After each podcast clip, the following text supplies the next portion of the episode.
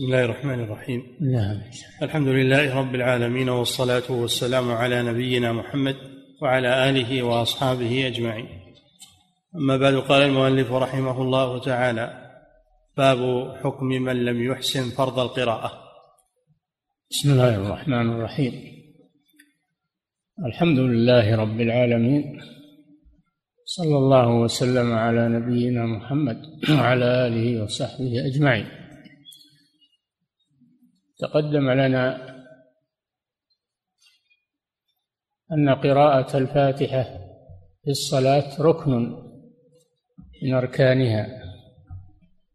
لا تصح إلا بقراءتها. وهذا في حق من تعلمها قدر على قراءتها. أما من لم يتعلمها لم يسبق له أن تعلمها ولا يتسع الوقت لتعلمها حتى يخرج وقت الصلاة الحاضرة فهذا يصلي على حسب حاله ولا يترك الصلاة ويجعل مكانها الذكر. يجعل مكانها الذكر لله عز وجل التسبيح والتكبير التحميد والتهليل كما يأتي. يجعل مكانها الذكر الوارد. وهذا من تيسير الله عز وجل وأن هذا الدين دين السماحة عدم الحرج. وأيضا هذا يدل على أن الصلاة لا تسقط بحال من الأحوال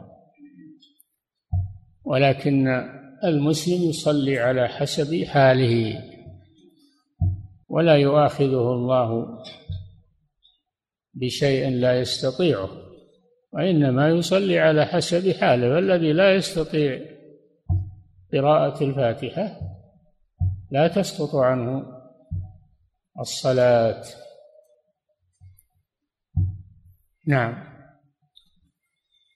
باب حكم من لم يحسن فرض القراءة عن رفاعة بن رافع. فرض القراءة أما مستحب من القراءة هذا ليس بلازم. لكن فرض القراءة هو الفاتحة نعم. عن رفاعة بن رافع رضي الله عنه أن رسول الله صلى الله عليه وسلم علم رجلا الصلاة فقال إن كان معك قرآن فاقرأ وإلا فاحمد الله وكبره وهلله ثم اركع. رواه أبو داود والترمذي. نعم هذا حديث عن رفاعة بن رافع رضي الله عنه أن النبي صلى الله عليه وسلم علم رجلا الصلاة وهو المسيء في صلاته. هذا الرجل هو المسيء في صلاته المشهور. علمه النبي صلى الله عليه وسلم كيف يصلي. وهذا فيه تعليم الجاهل. ثم قال له إن كان معك قرآن فاقرأ وإلا فاحمد الله كبره وهلله ثم اركع. هذا دليل على أن القراءة تسقط عمن لا يحسنها لكنه لا يترك الصلاة. لا يترك الصلاة يصلي على حسب حاله. ويأتي بدل الفاتحة بهذا الذكر. نعم.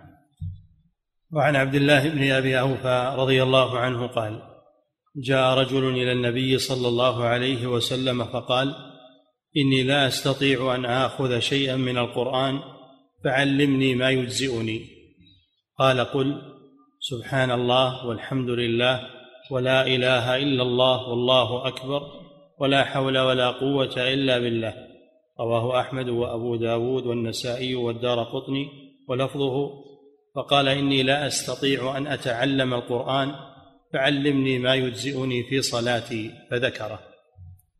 نعم وهذا كالحديث الذي قبله وأن هذا الرجل جاء إلى النبي صلى الله عليه وسلم وأخبره أنه لا يستطيع أخذ شيء من القرآن أو لا يستطيع أن يتعلم شيئا من القرآن.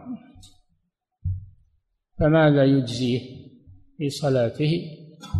علمه النبي صلى الله عليه وسلم أن يقول هذا الذكر فهو يفسر الحديث الذي قبله لأن الحديث الذي قبله مجمل وهذا فسر المراد بهذه الألفاظ. نعم أعد الحديث. عن عبد الله بن أبي أوفى رضي الله عنه قال جاء رجل إلى النبي صلى الله عليه وسلم فقال إني لا أستطيع أن آخذ شيئا من القرآن فعلمني ما يجزئني. قال قل سبحان الله والحمد لله ولا إله إلا الله والله أكبر ولا حول ولا قوة إلا بالله. خمس كلمات. خمس كلمات. تفسر قوله في الحديث الذي قبله فاحمد الله وهلله وكبره أن يقول سبحان الله والحمد لله ولا إله إلا الله والله أكبر ولا حول ولا قوة إلا بالله. وأن هذا يجزي عن الفاتحة لمن لا يستطيع لمن لا يعرف قراءتها فيه كما تقدم أنها لا تسقط الصلاة عن الإنسان المسلم ولكنه يصلي على حسب حاله. وفي قوله لا أستطيع أن آخذ شيئا من القرآن أو أتعلم دليل على أنه لا بد أن يتعلم الفاتحة. إذا استطاع ذلك فإذا لم يستطع لضيق الوقت مثلا تخرج الصلاة إذا جلس يتعلمها تخرج الصلاة يخرج وقتها ضيق الوقت أو لعدم وجود من يعلمه فإنه يصلي على حسب حاله ويأتي بهذه الأذكار الخمسة. وهذا يدل على سماحة هذا الدين والحمد لله. نعم. باب قراءة السورة بعد الفاتحة في الأوليين. وهل تسن قراءتها في الأخريين أم لا؟ انتهينا الآن من موضوع قراءة الفاتحة في الصلاة. هل يقرأ بعدها شيء؟ نعم. يقرأ بعدها شيء من القرآن. في الأوليين من الرباعية ومن صلاة المغرب. يقرأ بعدها شيء من من القرآن. هذا سنة ليس بواجب إنما هو مستحب. نعم.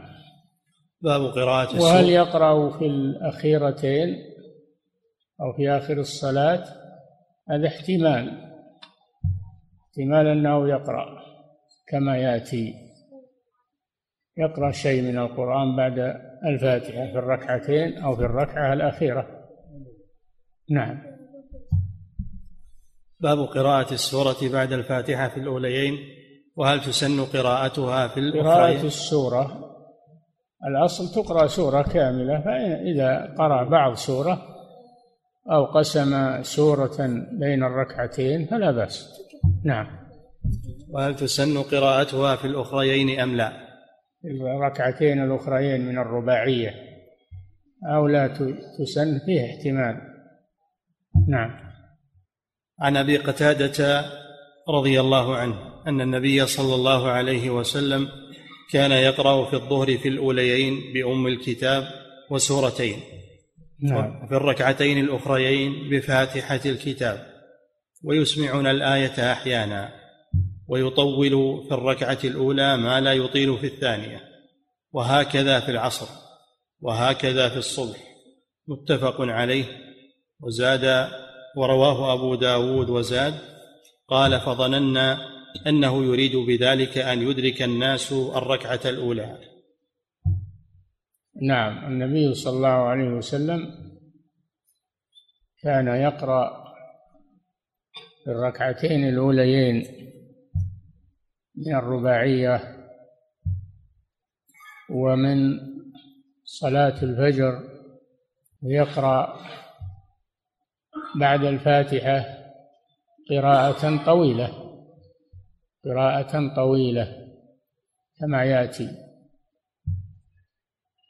وأنه أيضا أنه أيضا يطيل الركعة الأولى من الظهر أكثر من غيرها أطول من الركعة الثانية. والركعتان الأوليان من الظهر أطول من الركعتين الأوليين من العصر. هكذا السنة. ذكروا أن الحكمة في كونه يطيل الركعة الأولى من الظهر من أجل أن يدرك الناس أن يدرك الناس الركعة الأولى من الظهر لأنه وقت القيلولة وقد يكون هناك من هو نايم ولم يستيقظ إلا متأخرا فيتمكن من إدراك الركعة الأولى في الظهر وأما بقية الصلوات فالناس موجودون ولا ليس وقت نوم ووقت تأخر. نعم. أن النبي صلى الله عليه وسلم كان يقرأ في الظهر في الأوليين بأم الكتاب وسورتين وفي الركعتين الأخريين بفاتحة الكتاب ويسمعنا الآية أحيانا. نعم فدل على أنه أنه لا يقرأ في الركعتين الأخيرتين غير أم الكتاب وهي الفاتحة. وأن أنه صلى الله عليه وسلم يسر بالقراءة في صلاة النهار.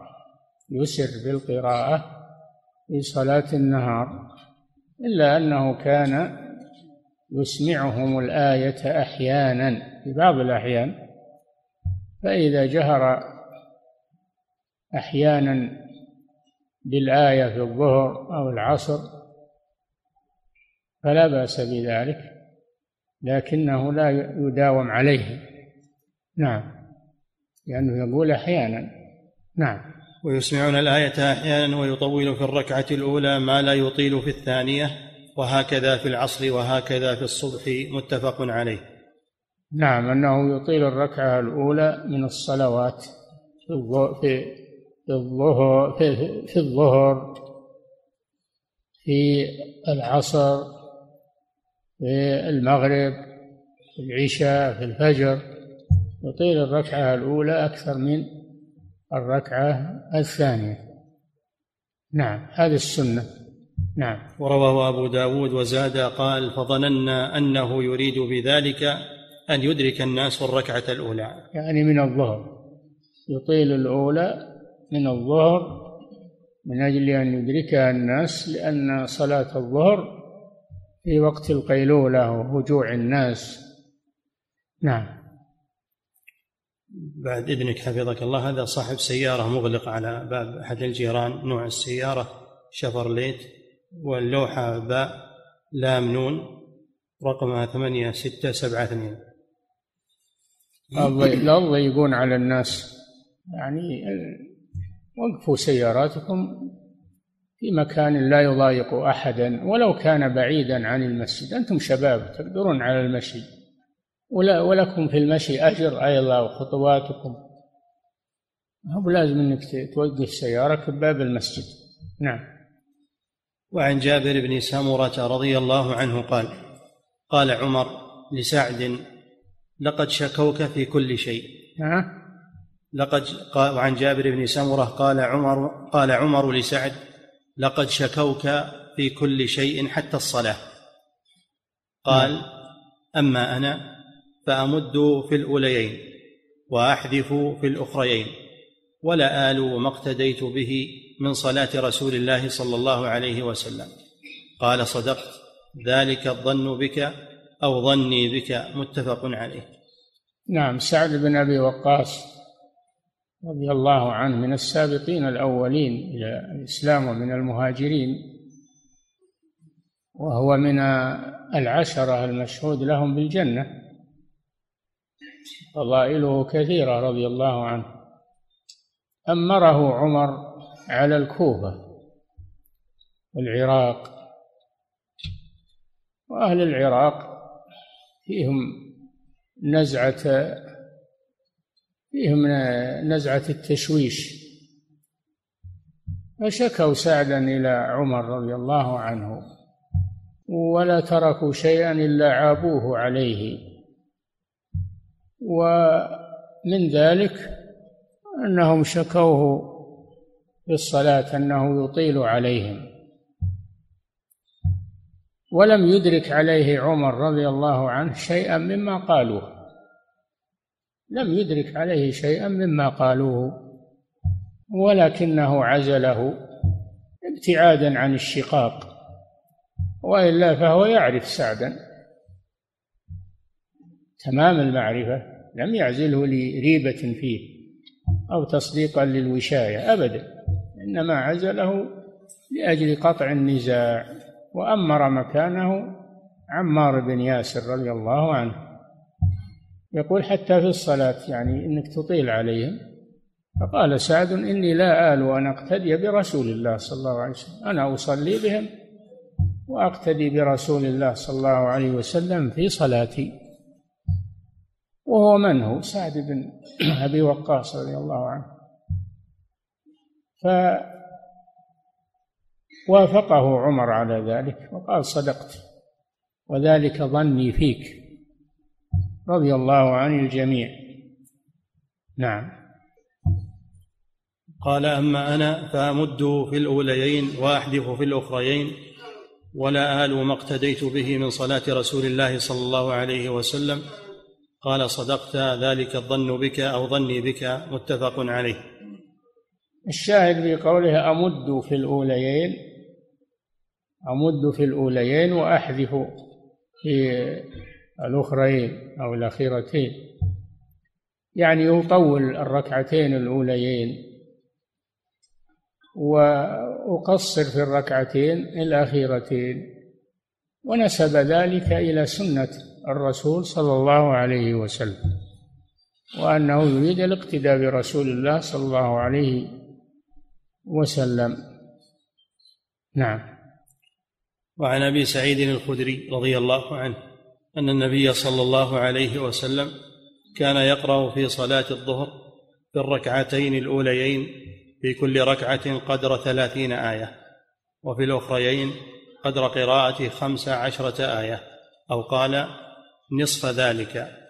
وفي العصر في الركعتين الأوليين في كل ركعة قدر قراءة خمس عشرة آية وفي الأخريين قدر نصف ذلك. رواه أحمد ومسلم. هذا دليل على بيان مقدار القراءة في صلاة الظهر الأوليين من الظهر. يقرأ في كل ركعة قدر ثلاثين آية ثلاثين آية. وفي وفي العصر على النصف من صلاة الظهر. وفي الركعتين الأخيرتين قدر خمس عشرة آية. خمس عشرة آية. فهذا فيه الاحتمال الذي ورد في الترجمة أنه يقرأ في الأخيرتين بعد الفاتحة لأن خمس عشرة آية زائدة عن الفاتحة لأن الفاتحة سبع آيات. أدل على أنه يقرأ بعد الفاتحة. هذا وجه ما جاء في الترجمة. وهل يقرأ في الأخيرتين؟ من هذا الاحتمال. ودل على أن أن الصلاة الظهر أطول من غيرها. صلاة العصر على النصف من ذلك من صلاة الظهر. نعم. باب قراءة سورتين في ركعة. وقراءة جواز يعني جواز قراءة السورتين في الركعة الواحدة. نعم. وقراءة بعض سورة. وقراءة بعض سورة يعني يقرأ من السورة ولا يكملها. نعم. وتنكيس السور في ترتيبها. تنكيس السور يعني يقرأ سورة يقرأ سورة قبل التي قبلها في المصحف. وأن ذلك جائز. تقرأ في الأولى مثلا تقرأ في الأولى مثلا قل أعوذ برب الفلق. تقرأ في الأولى قل أعوذ برب الناس. تقرأ في الثانية قل أعوذ برب الفلق. فترتيب السور ليس واجبا إنما الواجب ترتيب الآيات. لا يجوز تنكيس الآيات. ليه؟ قالوا لأن ترتيب السور ليس من عمل الرسول صلى الله عليه وسلم وإنما هو من عمل الصحابة. وأما ترتيب الآيات فهو بنص الرسول صلى الله عليه وسلم. هو الذي يأمرهم أن يكتبوا الآية في محل كذا. يأمرهم بذلك. فهو الذي رتب الآيات عليه الصلاة والسلام. ودل على كتابة القرآن في عهد الرسول صلى الله عليه وسلم. أنه كان يأمرهم إذا نزلت عليه الآية أمرهم بكتابتها وأمرهم بموضعها من القرآن. فترتيب الآيات هذا من عمل الرسول صلى الله عليه وسلم. فلا مجال لتقديم آية على آية في السورة الواحدة. في السورة الواحدة تقرأ في الركعة الأولى في آخر السورة تقرأ في الثانية في أول السورة. ما يجوز هذا. هذا خلاف السنة. نكس الآيات. ما يجوز. بخلاف السور فيجوز أن تقرأ هذه قبل, قبل هذه. بدليل أن مصاحف الصحابة تنوعت في ترتيب السور. باجتهاد منهم. حتى جاء عثمان رضي الله عنه فوضع أو أو كتب المصحف العثماني لما حصل اختلاف في المصاحف. وجاءه حذيفة بن اليمان وقال له أدرك الناس قبل أن يختلفوا اختلاف اليهود والنصارى. فأمر عمر زيد بن ثابت رضي الله عنه وجماعة من أكابر الصحابة وكتابهم فكتبوا المصحف العثماني ومنع المصاحف الأخرى خشية الاختلاف بين الأمة. خشية الاختلاف بين الأمة فتوحدت المصحف ولله الحمد. وهذا من فضائل أمير المؤمنين عثمان رضي الله عنه ومن أعماله الجليلة. هذا المصحف الشريف الذي اجتمعت عليه الأمة وانتهى الخلاف والحمد لله. نعم. باب قراءة سورتين في ركعة وقراءة بعض سورة وتنكيس السور في ترتيبها وجواز تكريرها. هذه كلها مسائل جمعها المؤلف في هذه الترجمة. باب؟ باب قراءة سورتين في ركعة هذه مسألة. وقراءة بعض سورة هذه مسألة ثانية. وتنكيس السور في ترتيبها نعم السور ما هي بالآيات. نعم. وجواز تكريرها. وجواز تكرير السورة في الركعتين. كل هذا سيأتي له أدلة. نعم. عن أنس رضي الله عنه قال كان رجل من الأنصار يؤمهم في مسجد قباء فكان كلما افتتح سورة يقرأ بها فكان كلما افتتح سورة يقرأ بها لهم في الصلاة مما يقرأ به افتتح بقل هو الله أحد. حتى يفرغ منها. هذا الجمع بين السورتين انه يجمع. قل هو الله أحد مع سورة أخرى الصلاة ويكرر قل هو الله أحد. نعم ويأتيكم السبب في هذا. نعم. ثم يقرأ سورة أخرى معها فكان يصنع ذلك في كل ركعة. هذا فيه الدلالة على جمع سورتين في ركعة واحدة في ركعة واحدة. و مسجد قباء معروف هو أول مسجد أسس على التقوى. وأهل قباء معروفون بالفضل وكان النبي صلى الله عليه وسلم يزور هذا المسجد كل سبت ويصلي فيه ماشيا وراكبا. لما أمره الله بقوله لمسجد أسس على التقوى من أول يوم أحق أن تقوم فيه فيه رجال يحبون أن يتطهروا. والله يحب المطهرين ثناء على أهل قبى رضي الله عنهم وعلى هذا المسجد. فله فضل تسن زيارته لمن كان بالمدينة من أهلها أو قادما إليها أن يزوره ويصلي فيه اقتداء بالنبي صلى الله عليه وسلم. وليس في المدينة مسجد يخص بالزيارة إلا مسجدان مسجد الرسول صلى الله عليه وسلم ومسجد قبى أما غير مساجد المدينة فلا فضيلة لبعضها على بعض ولا يجوز أن تخص بالزيارة والصلاة فيها. كلها سواء. نعم. فلما أتاهم النبي صلى الله عليه وسلم أخبروه الخبر فقال وما يحملك على لزوم هذه السورة لما زار النبي صلى الله عليه وسلم أهل قبى أخبروه بصنيع هذا الإمام وأنه يقدم قراءة سورة الإخلاص على السور التي يقرأها في صلاته بهم. سأله النبي صلى الله عليه وسلم عن هذا السبب لماذا يقرأ يكرر هذا فيه تكرار السورة؟ فيه المسألة اللي في الترجمة تكرار السورة في الركعتين. يكرر السورة يكرر قل هو الله أحد في كل ركعة. سأله النبي صلى الله عليه وسلم لم تصنع هذا؟ قال لأني أحبها.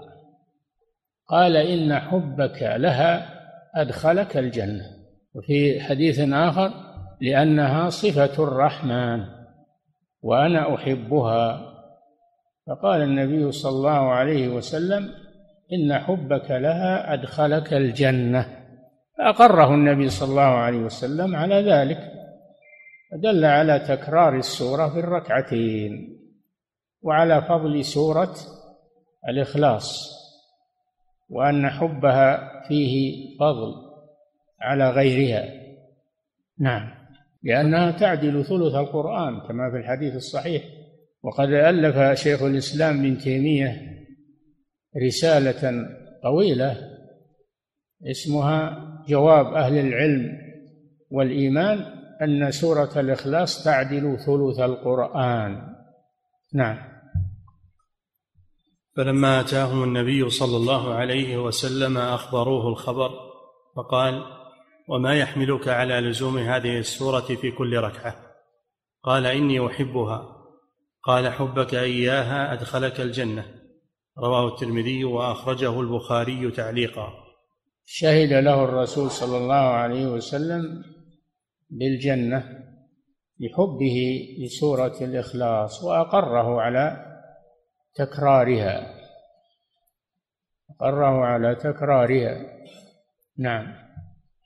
وعن حذيفة رضي الله عنه قال صليت مع النبي صلى الله عليه وسلم ذات ليلة فافتتح البقرة فقلت يركع عند المئة. حذيفة بن اليمان رضي الله عنه صلى مع النبي صلى الله عليه وسلم صلاة الليل ما هي بالفريضة صلاة الليل. فالنبي صلى الله عليه وسلم أطال القراءة وجمع سور هذا دليل ثاني على جمع السور في ركعة واحدة. أطال القراءة قرأ بالبقرة والنساء وآل عمران في ركعتين خمسة أجزاء وزيادة في ركعتين حتى طلع الفجر وجاءه بلال يخبره بالصلاة عليه الصلاة والسلام. هذا دليل على تطويل صلاة الليل وعلى أن الإنسان إذا صلى لنفسه يطول ما شاء. أما إذا صلى بالناس فإنه يراعيهم. أيكم أما الناس فليخفف يراعي أحوال المأمومين.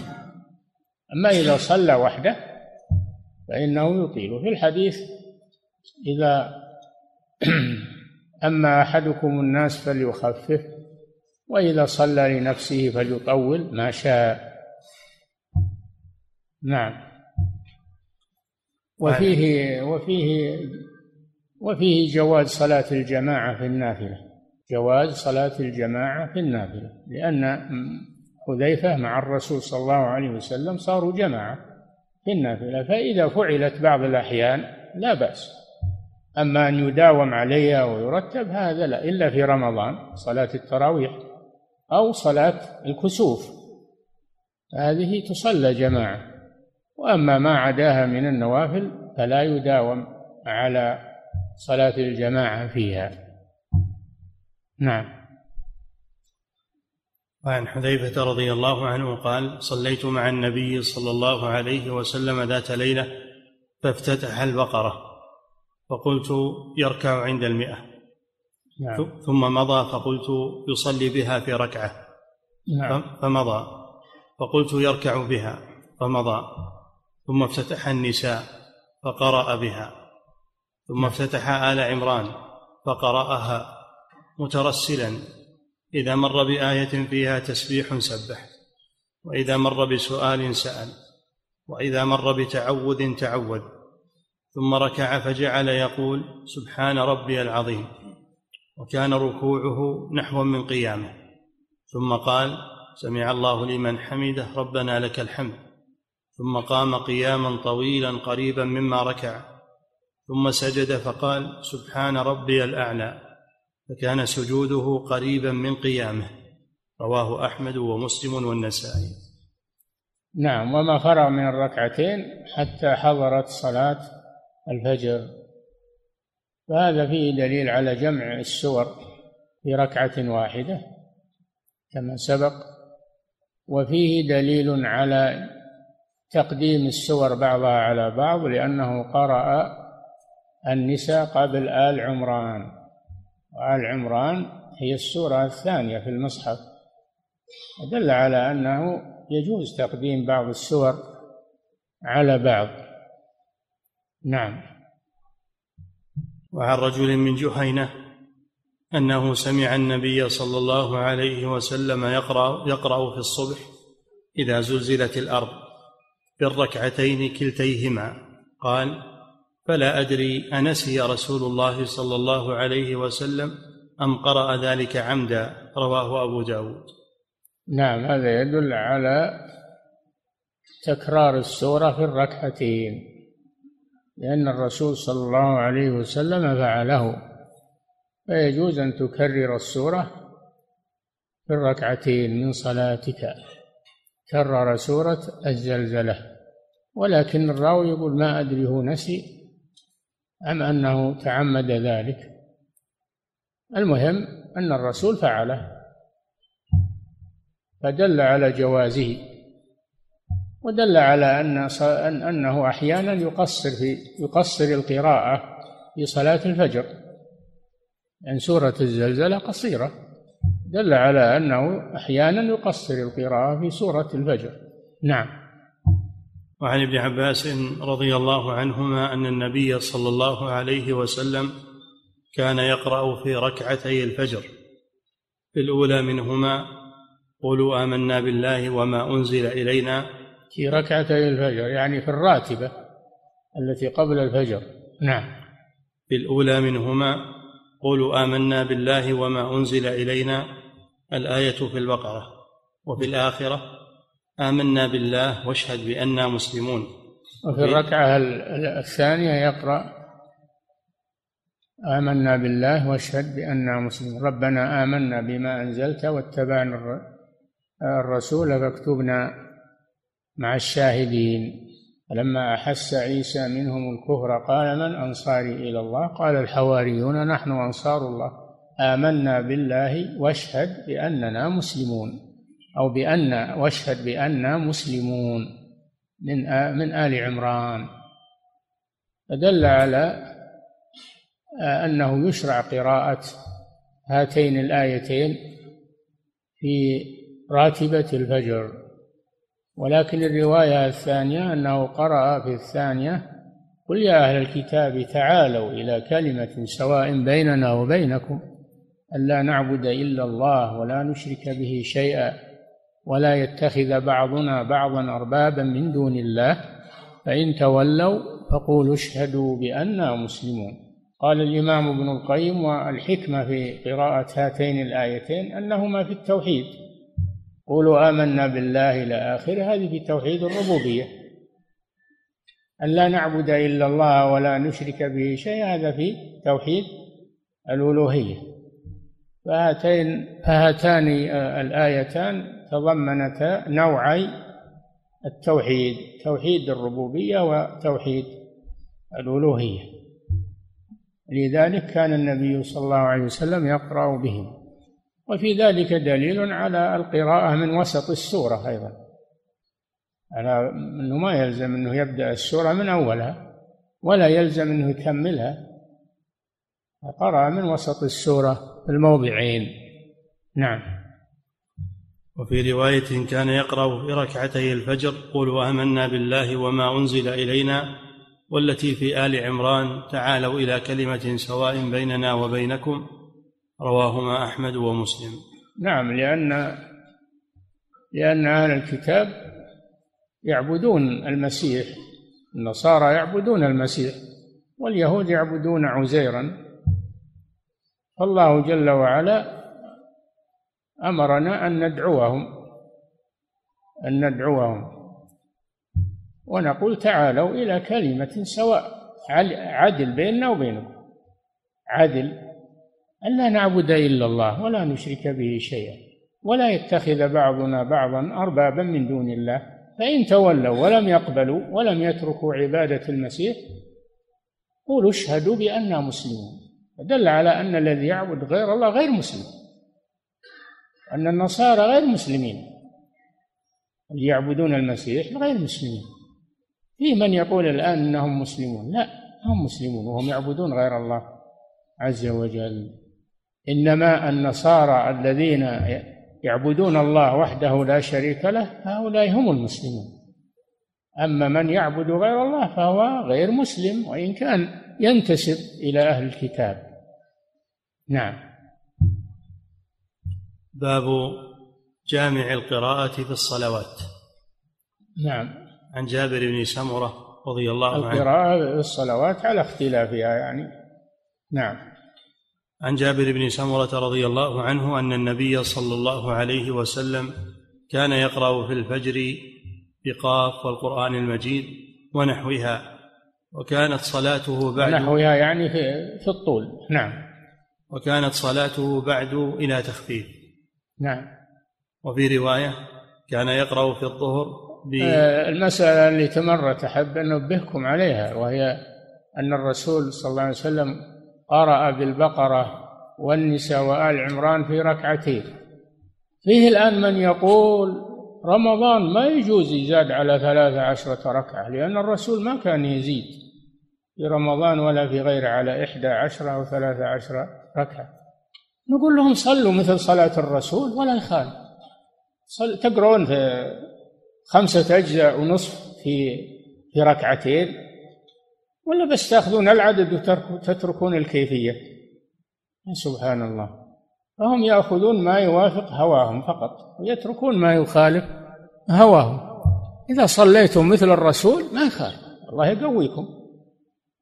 لكن تجمعون بين التخفيف. وتقليل العدد هذا ما يجوز. الرسول صلى الله عليه وسلم قلل العدد لكنه أطال. أطال الصلاة والقراءة. نعم. وعن جابر بن سمرة رضي الله عنه أن النبي صلى الله عليه وسلم كان يقرأ في الفجر بقاف والقرآن المجيد ونحوها وكانت صلاته بعد إلى تخفيف. نعم. وفي رواية كان يقرأ في الظهر والليل إذا يغشى وفي العصر نحو ذلك وفي الصبح أطول من ذلك رواهما أحمد ومسلم.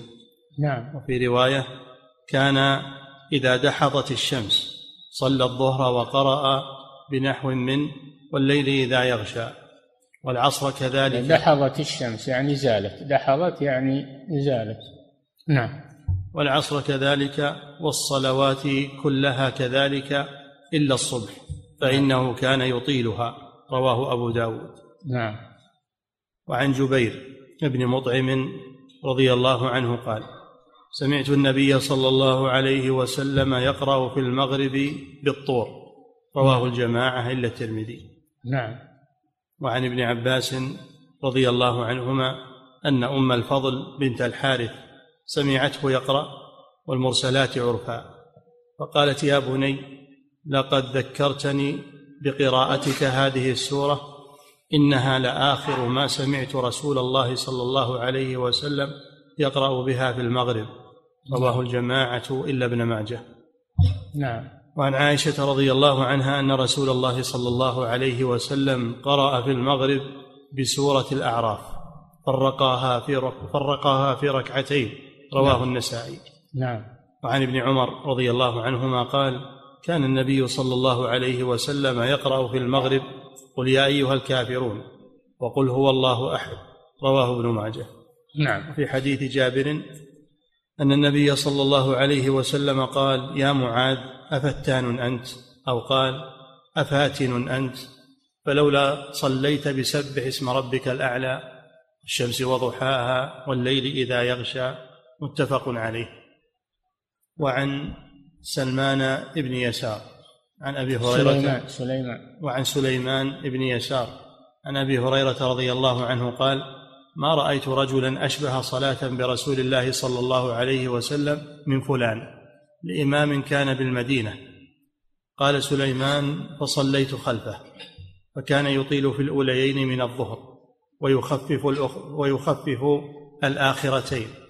ويخفف العصر ويقرأ في الاوليين من المغرب بقصار المفصل ويقرأ في الأوليين من العشاء من وسط المفصل ويقرأ في الغداة بطوال المفصل. رواه أحمد والنسائي. نعم هذا معدل القراءة في الصلاة. معدل القراءة في الصلاة. أنه كان يقرأ في الفجر من طوال المفصل. وفي وفي المغرب من قصار المفصل وفي بقية الصلوات من أوساط المفصل. المفصل ما هو؟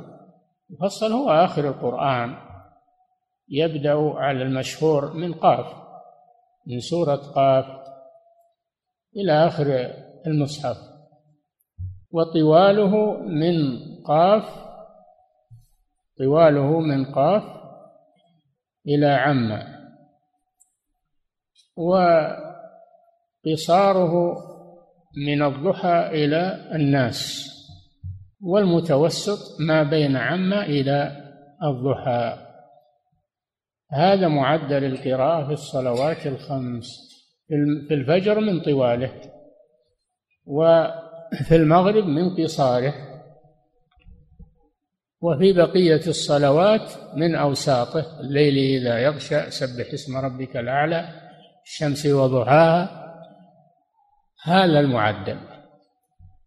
وأحيانا كان يطيل في صلاة المغرب عليه الصلاة والسلام. ثبت أنه قرأ فيها بالاعراف سورة الأعراف قرأها في الركعتين قسمها بين الركعتين. وثبت أنه قرأ فيها بالمرسلات. وثبت أنه قرأ فيها بالطور. قرأ فيها بالطور لكن هذا ليس هو الغالب. الغالب أنه يقرأ من قصار المفصل في المغرب. وإن قرأ في طواله بعض الأحيان فلا بأس بذلك. ولما صلى معاذ رضي الله عنه بقومه صلاة العشاء قرأ البقرة قرأ سورة البقرة وكان رجل معه نواضحه يعني الإبل يسني عليها فلما أقيمت الصلاة تركها وأقبل يصلي خلف معاذ فقرأ البقرة. النواضح راحت ذهبت. فالرجل نوى الانفراد انفرد عن معاذ وأكمل صلاته ولحق بنواضحه ثم شكوه إلى الرسول صلى الله عليه وسلم أنه يطيل عليهم. النبي عاتب معاذا النبي صلى الله عليه وسلم عاتب معاذا رضي الله عنه قال أفتان أنت يا معاذ؟ أي تفتن الناس؟ إن منكم لمنفرين أو أفاتن فتان هذه صيغة مبالغة وأما فاتن فهو اسم فاعل من الفتنة والمعنى أنك تفتن الناس بحيث يتنازعون يكرهون الصلاة خلف بعض الأئمة. لا تنفر إذا أممت الناس فاقرأ بالليل إذا يغشى والضحى وسبح اسم ربك الأعلى الشمس وضحاها هذا الوسط. فأرشد صلى الله عليه وسلم إلى هذه الطريقة. هذا معدل القراءة وهو جامع القراءة كما قال المؤلف جامع القراءة في الصلاة. فعلى الأئمة أن يراعوا هذا. ولكن كثير من الأئمة الآن خصوصا الشباب عندهم نزعة مخالفة السابقين. الآن ما يقرؤون من المفصل أبدا. بل ربما أنهم ما يعرفونه. هجروه هجرا في الصلاة. يقرؤون من أول القرآن من وسط القرآن وأما المفصل فلم يق... فلا يقرؤون فيه أبدا. ليه؟ لأن الأولين يقرؤون هذا وهم بيخالفون من قبلهم ويزعمون أنهم وصلوا من العلم إلى ما لم يصل إليه الأولون. لا حول ولا قوة إلا بالله. هذه هي الفتنة. فعليهم أصلحهم الله وهداهم أن يراجعوا صوابهم وأن يقتصروا على المفصل في الغالب. وأما إذا بعض الأحيان قرأوا بغير لا بأس لكن إنهم يهجرون المفصل ولا يقرؤون به أبدا هذا أمر لا يرضى منهم وهذا جهل هذا جهل منهم. هذه سنة الرسول صلى الله عليه وسلم. الليل إذا يغشى سبح اسم ربك الأعلى الشمس وضحاها. هذا الذي أرشد إليه وفعله صلى الله عليه وسلم. ينبغي أنهم يتعلمون السنة أول. السنة ما هو أنهم يتابعون الأولين ولا يخالفون الأولين. لا نبيهم يتعلمون السنة ويعملون بها ويحيونها. هذا الذي نريده منهم. نعم. باب الحجة في الصلاة بقراءة أبي وابن مسعود وغيرهما ممن أثني على قراءته. نعم هذا نؤجله إلى الدرس القادم إن شاء الله. نعم.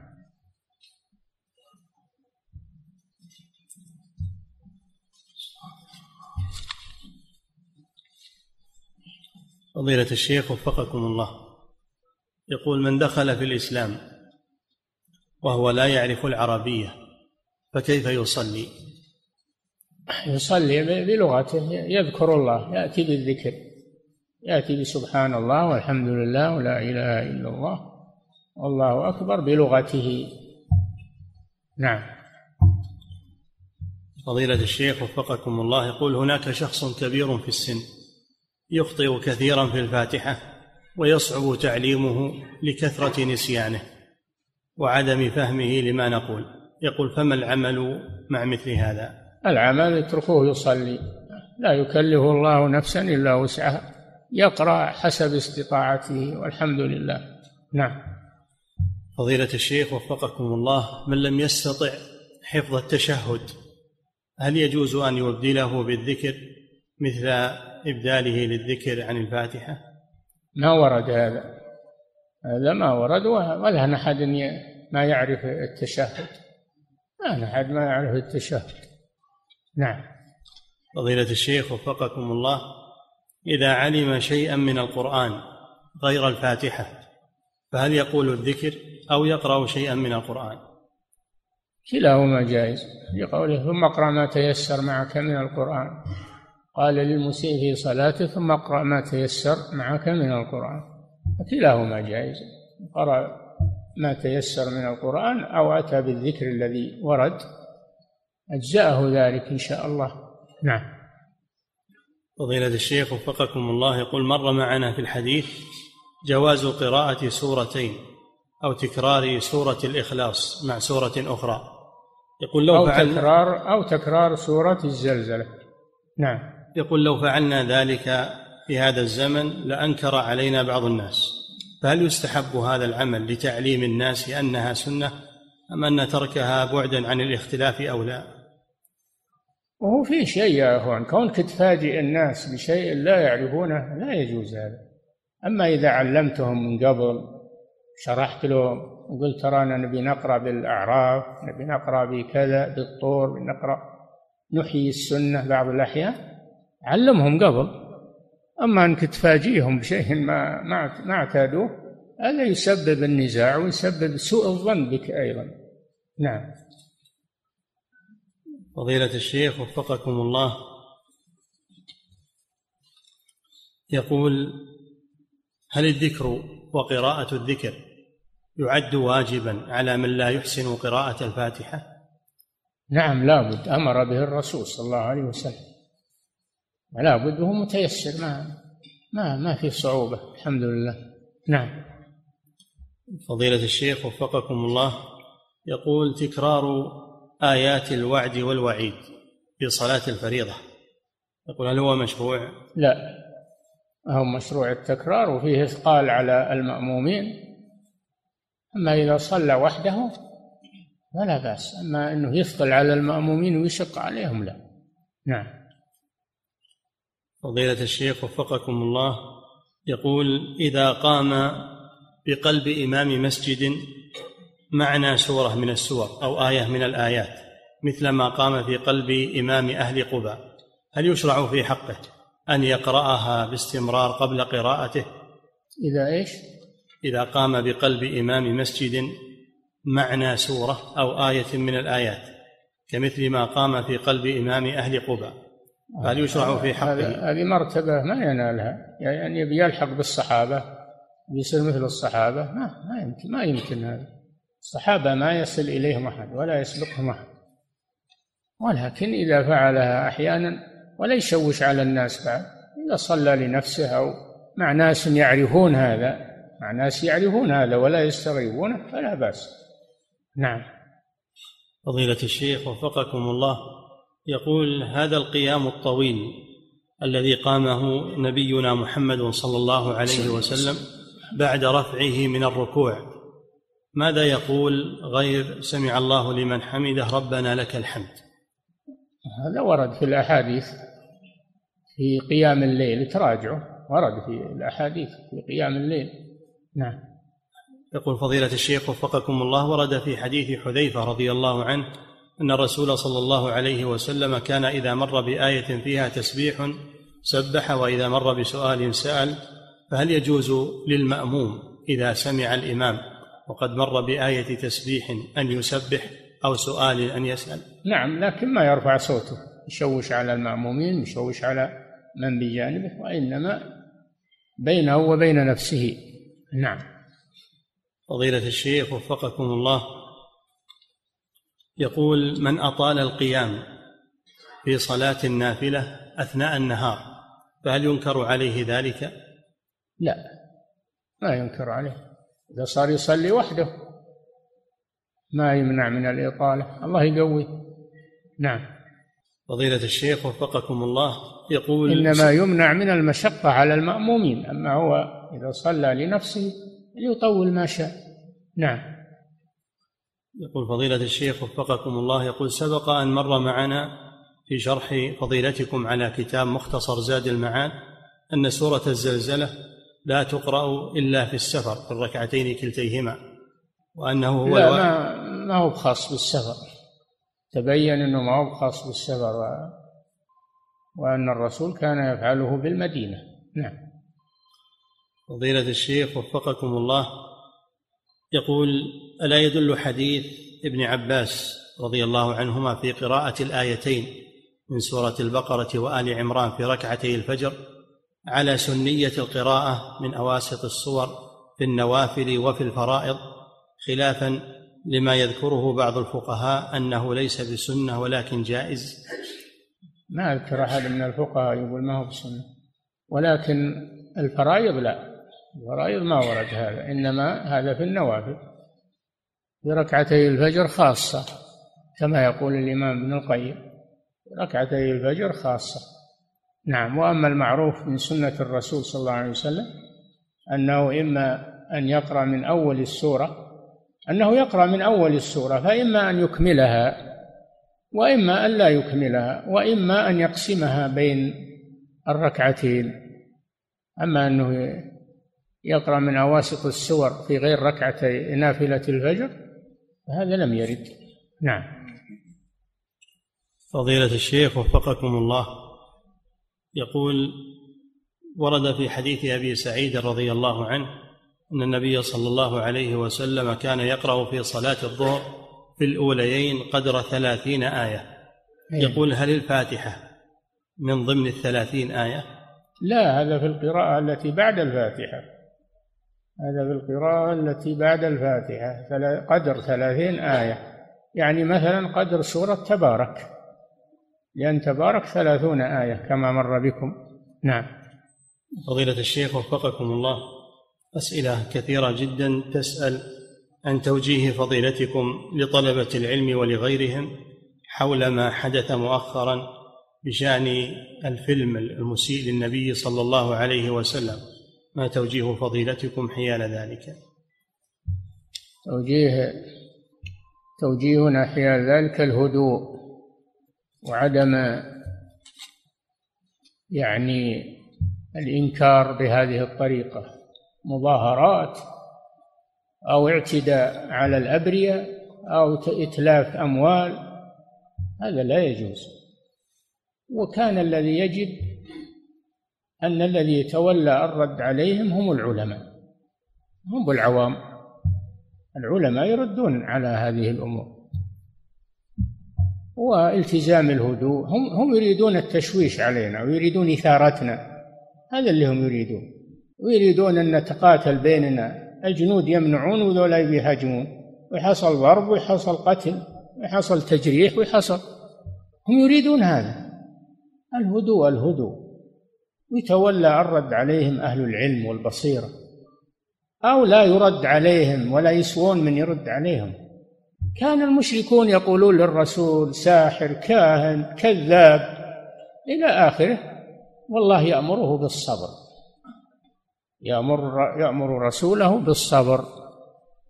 ولم يتظاهرون في مكة ولم يهدموا شيئا من بيوت المشركين ولم يقتل احدا. الصبر والهدوء حتى يسر الله سبحانه وتعالى للمسلمين فرجا.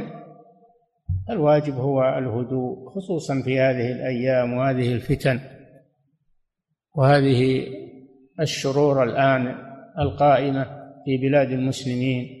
يجب الهدوء وعدم التسرع في هذه الأمور والعوام ما يصلحون للمواجهة في هذا ما جهال ما يدرون. ما يواجه هذا إلا أهل العلم والبصيرة. نعم. فضيلة الشيخ وفقكم الله.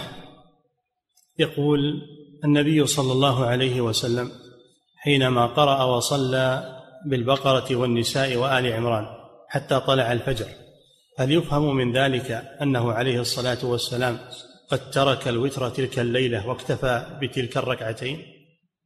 الرسول كان أحيانا يصلي بعد الوتر. يصلي بعد الوتر في آخر الليل؟ هذا ربما أنه أوتر قبل هذا. نعم.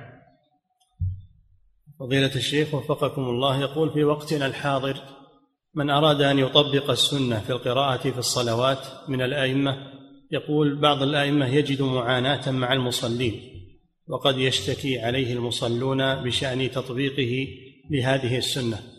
فما توجيهكم وفقكم الله. أبد ما يشكل عليهم تطبيقه للسنة يشكل عليهم تكلف بعض الأئمة بالترتيل والتمطيط والتكرار والتقطيع. هذا الذي هذا الذي يشق على المأمومين. أما لو قرأ قراءة منسابة قراءة متوسطة لتلذذ المأمومون بها. ولكن هم يصعبون القراءة على على المأمومين بطريقتهم. التي تشق عليهم وعلى المأمومين. نعم. نحن أدركنا أئمة يقرؤون قراءة طويلة ولا تملها. تمنى أنهم ما يركعون أنهم يطيلون من القراءة. تلذذ بها. لأنها قراءة منسابة جيدة متقنة لذيذة. أما القراءة المتكلفة تشق على المأموم وعلى الإمام. نعم. فضيلة الشيخ وفقكم الله في حديث جابر بن سمرة رضي الله عنه أن النبي صلى الله عليه وسلم كان يقرأ في الفجر بقاف ونحوها قال وكان صلاته بعد إلى تخفيف.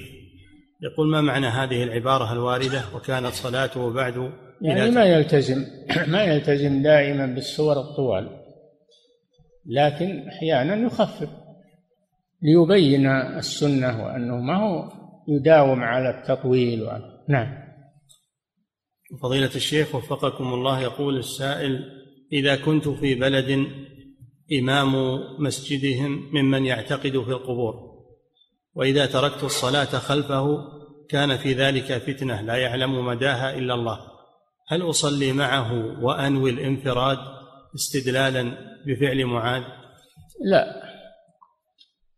صلي خلفه اتقاء للفتنة وتعيد الصلاة تعيد الصلاة. نعم. صلي خلفه اتقاء للفتنة وتعيد الصلاة. نعم. لأن الصلاة خلفه لا تصح وهو يعبد القبور. نعم. فضيلة الشيخ وفقكم الله. يقول ما حكم قراءة القرآن من أوله؟ في صلوات الفريضة الجهرية من قبل الإمام حتى يختم القرآن بهم في مدة شهرين أو ثلاثة. هذا من عجائبهم. الحين ما يختمون القرآن في رمضان اللي هو محل لختم القرآن ويختمونه في صلاة الفرائض مع أنه ما ورد عن الرسول صلى الله عليه وسلم. سبحان الله. ما هذا شيء ما ورد عن الرسول وفيه إحراج للمأمومين وفيه أيضا ربما أنه يجي وقت أن الإمام اللي ما يختم القرآن في الفرائض يطرد من الإمامة. ما يصلح هذا. ما نحدث شيء ما نحدث شيء لا دليل عليه وليس من عمل السلف. هذا أمر محدث أمر محدث. من أحدث في أمرنا هذا ما ليس منه فهو رد. ومن العجائب أنهم ما يختمون القرآن في صلاة التراويح وبيختمونه في الفرائض مع أنه ما ورد أنه يختم في الفرائض. نعم. فضيلة الشيخ وفقكم الله في الحديث أن النبي صلى الله عليه وسلم كان إذا مر بآية فيها تسبيح سبح وإذا مر بآية فيها سؤال سأل.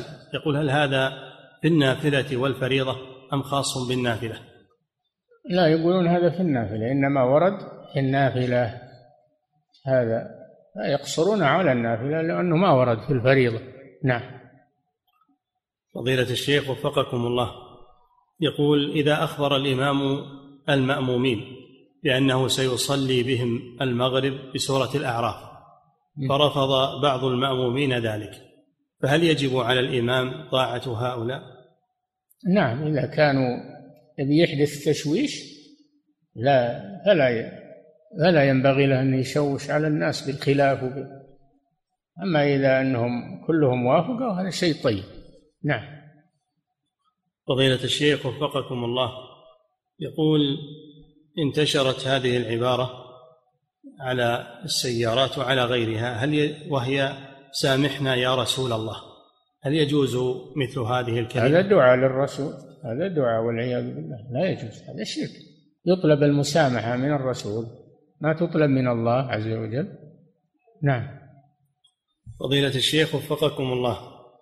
هذا سائل يقول هل يجوز مشاهدة المسلسلات كمسلسل عمر ابن الخطاب أو المسلسلات التي يمثل فيها الأنبياء والتي تأتي في التلفاز؟ هذه منكر. لا يجوز لك تشاهد المنكر. هذه منكر. حرام. لا يجوز لك تشاهدها. بل تبتعد عنها وتحذر منها. نعم. فضيلة الشيخ وفقكم الله يقول ما صحة هذه العبارة؟